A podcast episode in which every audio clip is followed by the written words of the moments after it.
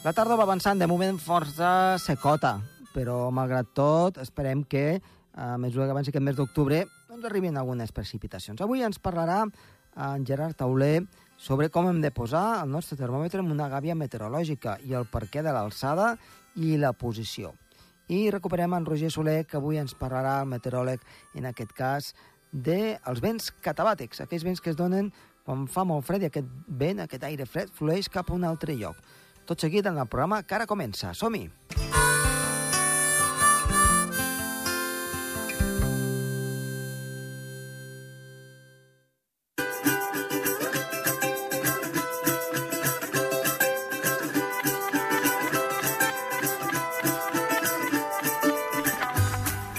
Doncs avui comencem el programa amb Gerard Tauler. Gerard, molt bona tarda.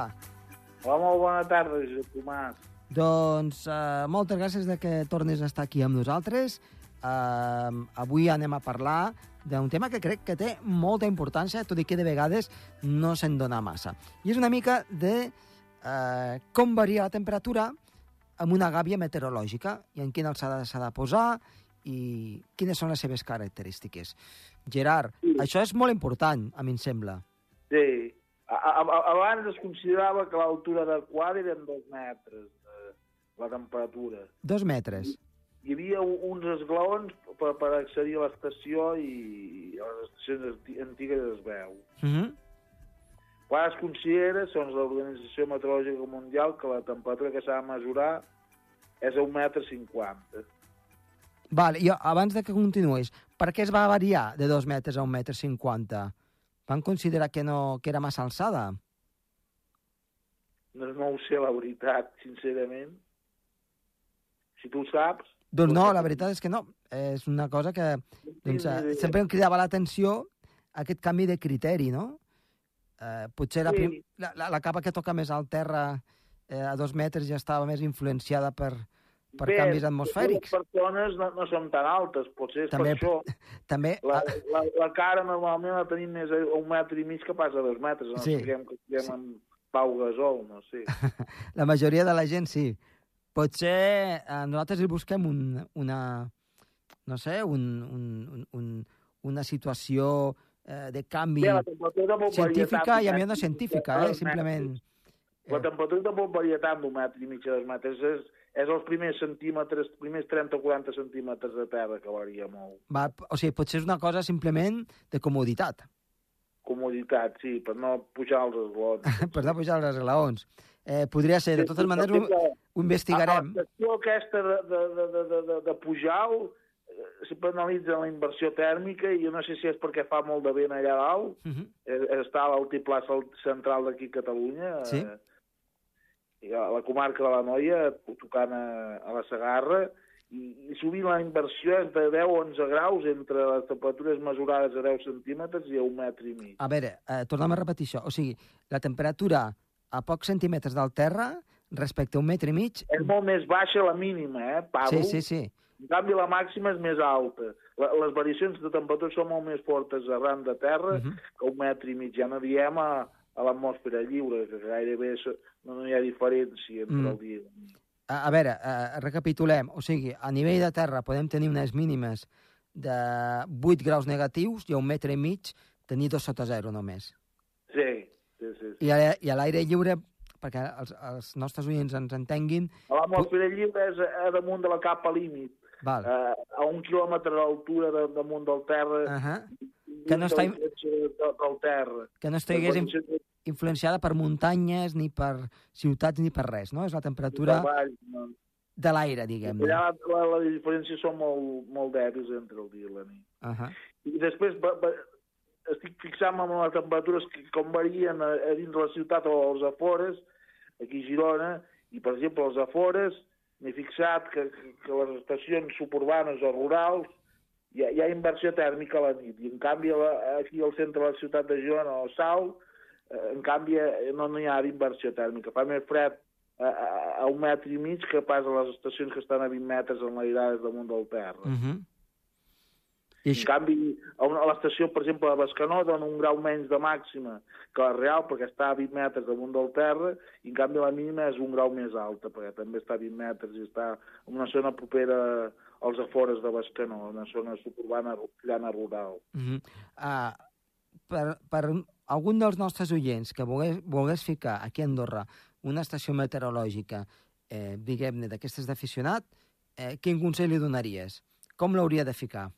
Home, clar, eh, a veure, aquí a Andorra a les muntanyes neva molt, i jo ja saps que soc molt aficionat als pols freds, uh -huh. i segueixo tots els pols freds, fa pocs dies vaig llegir un article dels pols freds, clar, se s'ha de posar dos o tres o quatre metres d'altura, per, per, per, perquè la neu no tapi el sensor. Uh -huh. Mira, per jo exemple... tinc que dir una anècdota personal eh, amb el tema d'aquests dels pols freds, no? que també doncs, ho anem seguint, i vaig fer unes mesures fa molts anys, en una zona de Canillo, i vaig ficar amb això, no? com tu dius, seguint una mica de recomanacions que tu també deies, d'això, dos, tres metres d'alçada, i la quantitat de neu acumulada en aquella zona eh, superava els 15 metres, perquè vaig anar a l'hivern i, evidentment, no, no trobava el lloc on ho havia ficat. Amb el GPS ho vaig, ho vaig poder mesurar, vaig començar a acabar, però, clar, amb una sonda vaig veure que hi havia una, una quantitat de neu enorme, no?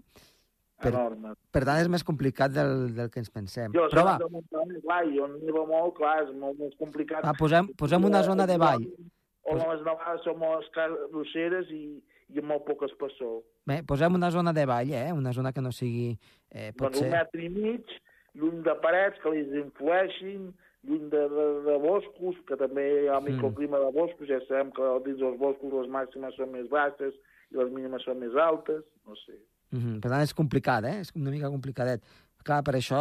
Sí, el relleu és molt complicat aquí a Andorra. Ja, sí, sí. Ja, ja, ja, ja, ja, valls molt estretes, eh, després aquí a Andorra, clar, eh, la ciutat està molt, molt, molt encaixonada enmig, sí. de la vall de la, del, del riu Valira, eh, és complicat, és complicat, i també pot haver-hi una mica d'illa calor. Sí, sí que n'hi ha, sí. Que, que vas fer un transecte en bicicleta i vas veure una illa de calor de 3 graus a Andorra. Exacte, exacte, sí, sí. I més aquests dies així de bonança es nota molt més al costat del riu, eh? Uh, sí, clar, uh, que tu dius. la temperatura és més baixa, és un canal d'aire fred, uh -huh. igual que aquí les Dees de Sal o, o la vall de Sant Daniel o la vall d'aquí de, de, de, de, de, de, de, de, de Sarrià de Dalt, la Riera Xunca, també el cantó de, la, de, de Fornells de la selva del riu Unyà, baixa molt més la temperatura que més, més amunt, als pobles. Mm, per tant, el consell és, uh, en un lloc, en un prat, seria un metre i mig d'alçada, si hi ha herba millor, i si tenim un pis, doncs... Va, una herba terreny natural, perquè si estàs al desert, ja no tindràs herba. Clar, però és, és, és, és el que hi ha, no? No, aquí a Andorra, evidentment, que hi ha herba, evidentment. Mm -hmm. Però vaja, bueno, alguna cosa es pot buscar, i si no, si amb un, amb un teulat potser d'un edifici també seria, o una terrassa. Amb un teulat, el problema és que aquí jo he analitzat les temperatures de Montjuïc, d'un observatori que hi ha aquí al turó damunt de Girona, i, i damunt de la teulada la temperatura màxima era un grau dos més alta que pas a, a, a, a una estació a, un metre i mig ja. de damunt de l'herba, ja, ja. un terreny natural. Perquè, clar... la, la, les terrasses reverberen calor i les teulades també. Ja, i per això, doncs, uh, es controla una mica la temperatura, no? Estan inflades respecte a la realitat. Uh -huh. Per tant, aquest metre i mig s'ha de mantenir, no pas a dos metres. Sí, i, i en, i en indrets així que, que, que, estan en terrasses o teulades, millor posar-ho a 3 metres, perquè no, no influeixi el, el, el, el terreny artificial. Mm -hmm. Doncs molt bé, Roger. Uh, perdó, molt bé, Gerard. Gerard. Uh, doncs moltes gràcies per, per comentar-nos avui tota... Vinent, eh? Digue'm, digue'm. Fins la setmana vinent i a gaudir d'aquests dies de temps agradable. Hi ha molta gent que diu que, que l'octubre no es veu mai, jo me'n recordo que l'any 1989 només va ploure un dia a Girona. Vull -huh. dir que... Home, portem, no, portem un temps amb... Una mala memòria meteorològica. Hem de pensar que a Girona només plou 65 dies a l'any. Plou gairebé 800 litres a l'any. Clar, és, és que varia la pluja molt d'un any per un altre, és, és per, per, per, perquè hi ha dies que plou molt hi ha altres anys que, que, que, que els dies plou molt no, no, no hi són. Mira, acabes de fer la definició... Pot ser 8 o 9 dies que plou més de 50 litres alguns anys i altres anys que no, no hi ha cap de dia. Que ah, no acabes de fer la definició del clima mediterrani, no? Ni més ni menys. Sí, el clima eh? és superirregular. Exacte. Ara fa pocs dies, per exemple, van caure més de 900 litres a, a prop de, de Gènova i uh Mhm. -huh. més de 700 litres en 12 hores, que és rècord eh, aquí a, al clima mediterrani. Mm -hmm, I tant. Doncs eh, quedem per la propera setmana. Moltes Molt bé. gràcies, Gerard, i que tinguis una bona setmana. Igualment, Adéu-siau. adéu, Josep.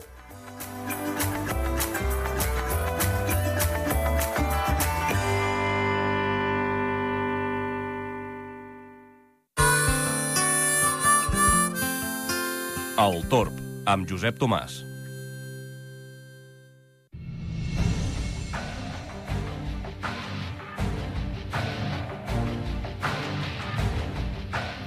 Doncs en l'entrevista d'avui tenim el nostre amic i company eh, de moltes peripècies meteorològiques, Roger Soler. Roger, benvingut una altra vegada. Moltes gràcies per convidar-me, Josep. Un plaer estar aquí, a casa, casa meva de fa molts anys, eh? Eh, exacte, sí, que continua sent casa teva, evidentment. I t'han volgut segrestar una mica, eh, i els diem als nostres oients que de tant en tant, doncs ell té les seves obligacions, evidentment, però de tant en tant també farà alguna col·laboració esporàdica aquí al, al, al programa Tor. Eh, avui ens vols parlar dels vents catabàtics. Doncs sí, vents catabàtics que mm, ara ja començaran a engegar-se, eh, no només al, al Pirineu, sinó també a molts punts de, de Catalunya, Barcelona, a la costa, i podríem dir que són vents de desguàs.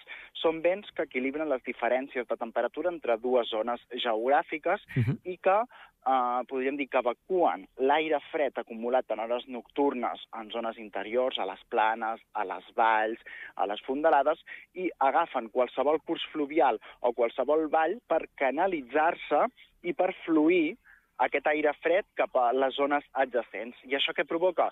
Doncs que eh, equilibra, diguéssim, la, la, la temperatura i l'aire fred permet alliberar-se d'aquestes conques interiors. No sé si els nostres oients han notat quan baixen per la 2 o s'han parat en alguna àrea de servei o alguna gasolinera a la zona del Baix Llobregat a primera hora del matí en mesos freds o a la tardor o a la primavera en què les temperatures a l'interior de Catalunya són força baixes, doncs bé, hi ha un aire constant. No sé si passat, ho has vist mai, tu ho has notat, ho has percebut? Doncs sí, la veritat és que sí. Es nota Clar. molt també quan eh, baixes també cap a, cap a ponts i, i també doncs, després eh, traspasses el que tu dius, eh? eh la serra prelitoral de la Exacte. plana interior lleidatana, podríem dir, o de la, de la conca de l'Ebre. I De l'altiplà central També. cap a l'est es nota més. No? Calaf, eh? totes aquestes zones.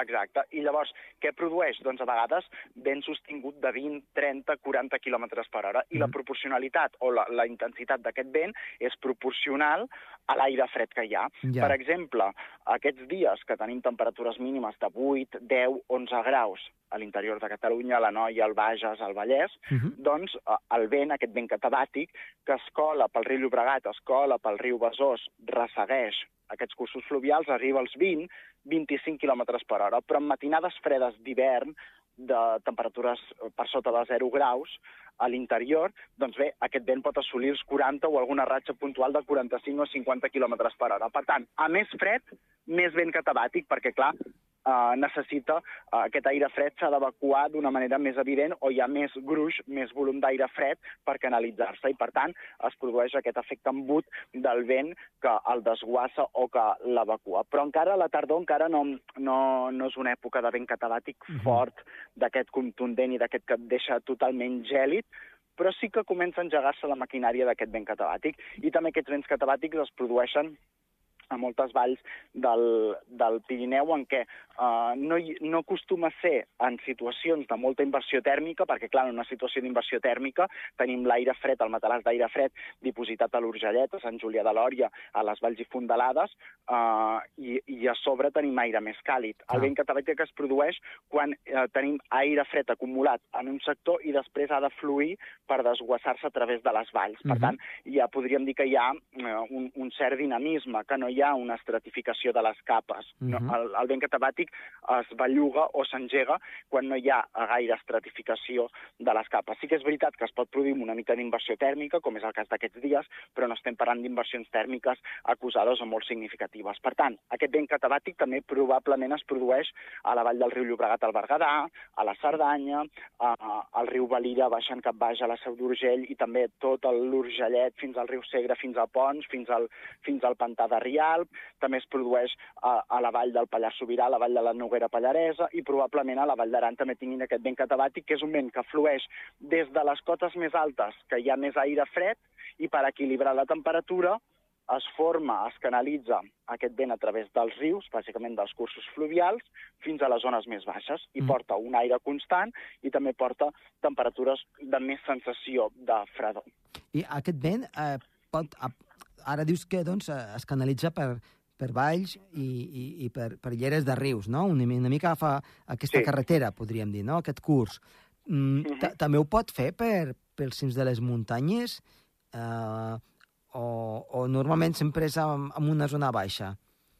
També ho pot fer, també ho pot fer uh, per, les, per, per les muntanyes, per les, per les valls encaixonades, encara que no hi hagi un curs fluvial, també és probable que ho pugui fer en què l'aire fred uh, uh, des de dalt um, va canalitzant aquest vent cap a les zones més baixes i això també es pot produir. Mhm. I en canvi, aquest vent catabàtic, a les hores centrals del dia, es transforma i es capgira, és a dir, les valls fan com d'embut Sí. per, uh, perquè hi hagi les brises de vall al migdia. Les temperatures són més altes Mhm. al fons de les valls, amb, amb, tardors, amb migdies fàcilment per sobre dels 20 graus, és molt fàcil. Mhm. Doncs bé, aquesta caloreta diurna és menys... Eh, l'aire calent és menys dens, l'aire càlid és menys dens, tendeix a, tendeix a pujar i genera un flux que va des de la vall cap a la muntanya, precisament també per equilibrar la temperatura més alta de baix amb la temperatura més baixa dels cims de les muntanyes i de les cotes més altes. Per tant, tenim aquesta dicotomia de que durant la nit el vent baixa des de dalt cap baix i de dia el vent puja des de baix cap, val, cap dalt, sempre resseguint els cursos fluvials, Mhm. les valls i, i, i- les zones encaixonades, no? Mhm. És que, clar, moltes vegades, al, al, sobretot a l'hivern, eh, quan hi ha aquestes boirades de, a, a, a la zona central no, de l'altiplà eh, de Catalunya, també a, la, a tot el que és la conca de l'Ebre, moltes Sí. vegades quan ressegueixes la prelitoral i veus, per exemple, eh, estic dient ara doncs, un exemple la zona del Montseny o la zona, eh, per exemple, muntanyes de Prades, eh, Coll de l'Illa, tot, totes aquestes àrees, com veus com la boira traspassa cap a l'altre costat i és ben cert que quan passes aquests colls el vent és una mica fortet, eh? És com si vesses Exacte, i això passa aquest també aire fred, precisament, no? Precisament ara que parles de- d'aquestes boires denses, intenses i persistents a l'hivern, aquests vents catabàtics són molt més forts. Per exemple, a la plana de Vic, la, la pobilla de la plana de Vic, que és la denominació popular que rep aquests estrats baixos que es formen Mm. en aquest punt de la comarca d'Osona, el vent catabàtic que deriva, que evacua o que desguassa l'aire fred i la humitat de la plana de Vic s'anomena saligarda i arriba a la Garriga doncs, en forma d'un ambient gèlid, especialment a l'hivern, tot i que aquests dies ja tenen saligarda a la Garriga, no és molt forta, no és molt freda, perquè encara no tenim molt aire fred emmagatzemat, però sí que és fresca, sí que ja no és l'ambient d'estiu de màniga curta, sí que Ja. necessites una jaqueta. Ja. Per tant, la Saligarda, al Vallès Oriental, amb ratxes que poden arribar als 30-40 km per hora, especialment a primera hora del matí. Després també tenim el vent a la Garrotxa, quan aquesta boira de la plana de Vic vessa cap a la serra transversal, cap a la zona de la Vall d'en Bas, Mm. i desguassa cap baix, es diu la barra de Ponent, i també arriben vent, vent catabàtic doncs, que afecta doncs, Olot, la Vall d'en Bas, les Preses, Hostalets eh, d'en Bas, Sant Feliu de Pallarols, etc. i per tant també produeix un ambient fresc i un ambient airejat de manera constant. I això també passa a les meves contrades, quan hi ha aquesta boira persistent a l'altiplà central, Mhm. a l'Alta Sagarra, Calaf, tota la boira del Pla de Lleida, Igualada rep vent persistent i gèlid. No t'hi pots estar. Fa Ja. més fred pràcticament als entorns perifèrics de la boira que no pas dins la boira. Per què? Perquè vessa la boira queda com clavada a la serra de Rubió, on hi ha els parcs eòlics, Mhm. i flueix cap Sí. baix, però s'evapora, però mm, aquest vent catabàtic flueix cap a tota la Clar, conca i- d'Òdena. és, és que, a més, el que tu dius, eh? Quan hi ha una evaporació, la temperatura baixa encara més. la temperatura baixa encara Clar. més perquè flueix aquest aire fred, hi ha evaporació, per tant hi ha, uh, hi ha, hi ha calor latent que, que s'allibera i per tant baixa més encara la Mhm. temperatura. Per tant, Igualada en què pot tenir el cel serè, la boira, tota la barrera de boira davant, però a l'hivern podem estar a 0 o 2 graus positius, més el vent que incrementa la sensació de Clar. fred. Per tant, el vent de boira és pitjor. El Sí. vent de boira és pitjor. Sí, sí, déu nhi I eh, també eh, podem trobar altres llocs del món amb vents catabàtics així una mica eh, destacats? Ah. Això ho, ho haurem d'investigar en, en un altre capítol que parlem de vents catabàtics perquè no tinc, no tinc la radiografia de- d'altres indrets del món que passi, però probablement als grans sistemes muntanyosos on hi ha valls molt encaixonades i molt contundents Mm. com els Alps o també els Apenins a, a Itàlia o també les, la, les rocalloses dels Estats Units, és molt probable que passi aquest fenomen. Mm, eh, estava pensant que a vegades ho havien comentat també en zones polars, no?, que podia haver-hi aquest, a, a, a, aquest fenomen catabàtic, no sé si s'anomena exactament així, de, de que, doncs, sobretot al Pol Sud, de que hi hagi un intercanvi de vents, però potser és degut a un altre fenomen de que doncs, poden ser també molt forts. Doncs sí, ho haurem, ho haurem d'investigar perquè no, no estava al corrent massa dels vents catabàtics a les zones polars, però de ben segur que, que indagarem. Uh, escolta'm, uh, aquesta situació um, pot donar-se també a l'estiu o es dona només ara a partir de la tardor, hivern i principi de Sí, primavera? sobretot és més probable, més freqüent, més intens i més evident. La tardor, hivern, és quan agafa el punt àlgid, el punt òptim, i primavera, inicis de l'estiu, potser, però en canvi l'estiu sí que és veritat que, que els vents tendeixen a ser mm, de terral, de, de terra cap a Sí. mar en hores nocturnes, però com que no hi ha gaire diferència Ja, entre uh, l'interior i la costa, no es produeix aquest flux, o fins i tot a vegades no es dona en dies de moltíssima calor, d'onada de calor a l'estiu en què Barcelona estàs a la nit a 26 o a 27 graus, clar, Barcelona a 26 o 27 graus, tot el tram de la costa per sobre dels 25 graus, i a l'interior baixa un pèl més la temperatura, però Mhm. clar, potser estàs a 20, a- amb 5 graus de diferència, no és suficient com per engegar aquest mecanisme Val. de vent catabàtic contundent. Sí que per fer moure el flux d'aire de nord-oest dels terrals, però no un vent catabàtic contundent. per tant, no, no en podem dir de catabàtic amb aquest vent, sinó seria un terral normal i corrent de... Exacte, un terral normal i corrent que no té la categoria de catabàtic, però sí que és un lleuger flux, un lleuger uh, airet, que potser pràcticament és imperceptible des del terra, però sí que, sí que hi ha una corrent a capes mitges i baixes de, de, des de l'interior cap a les comarques de la costa, Mhm. cap al Eh, mar. Di- Dins de, de, de zones marítimes eh, pot existir també aquest tipus de vent? En zones que siguin una mica més fredes i altres més càlides, intercanvi de, de, de Et temperatura... refereixes a, a illes o a penínsules? eh, més aviat a illes. O, o, Ah, o, o zones marítimes obertes, no? No sé, l'Atlàntic, eh?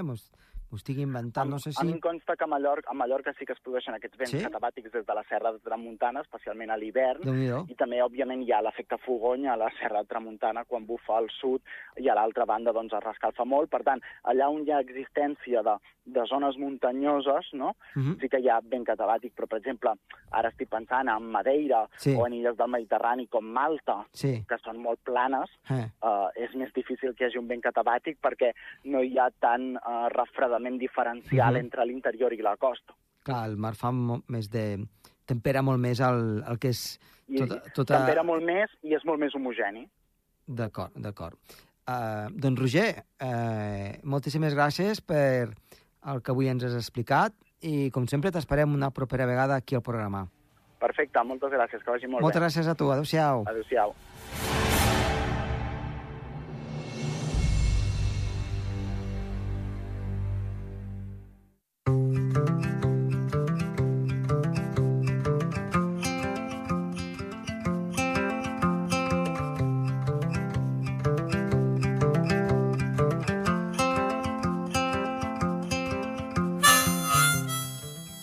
Doncs aquí acabem el programa. Esperem que els hi hagi agradat estar de les vies de so, Toni Escur, i qui els ha parlat amb molt de gust, Josep Tomàs. Adéu-siau.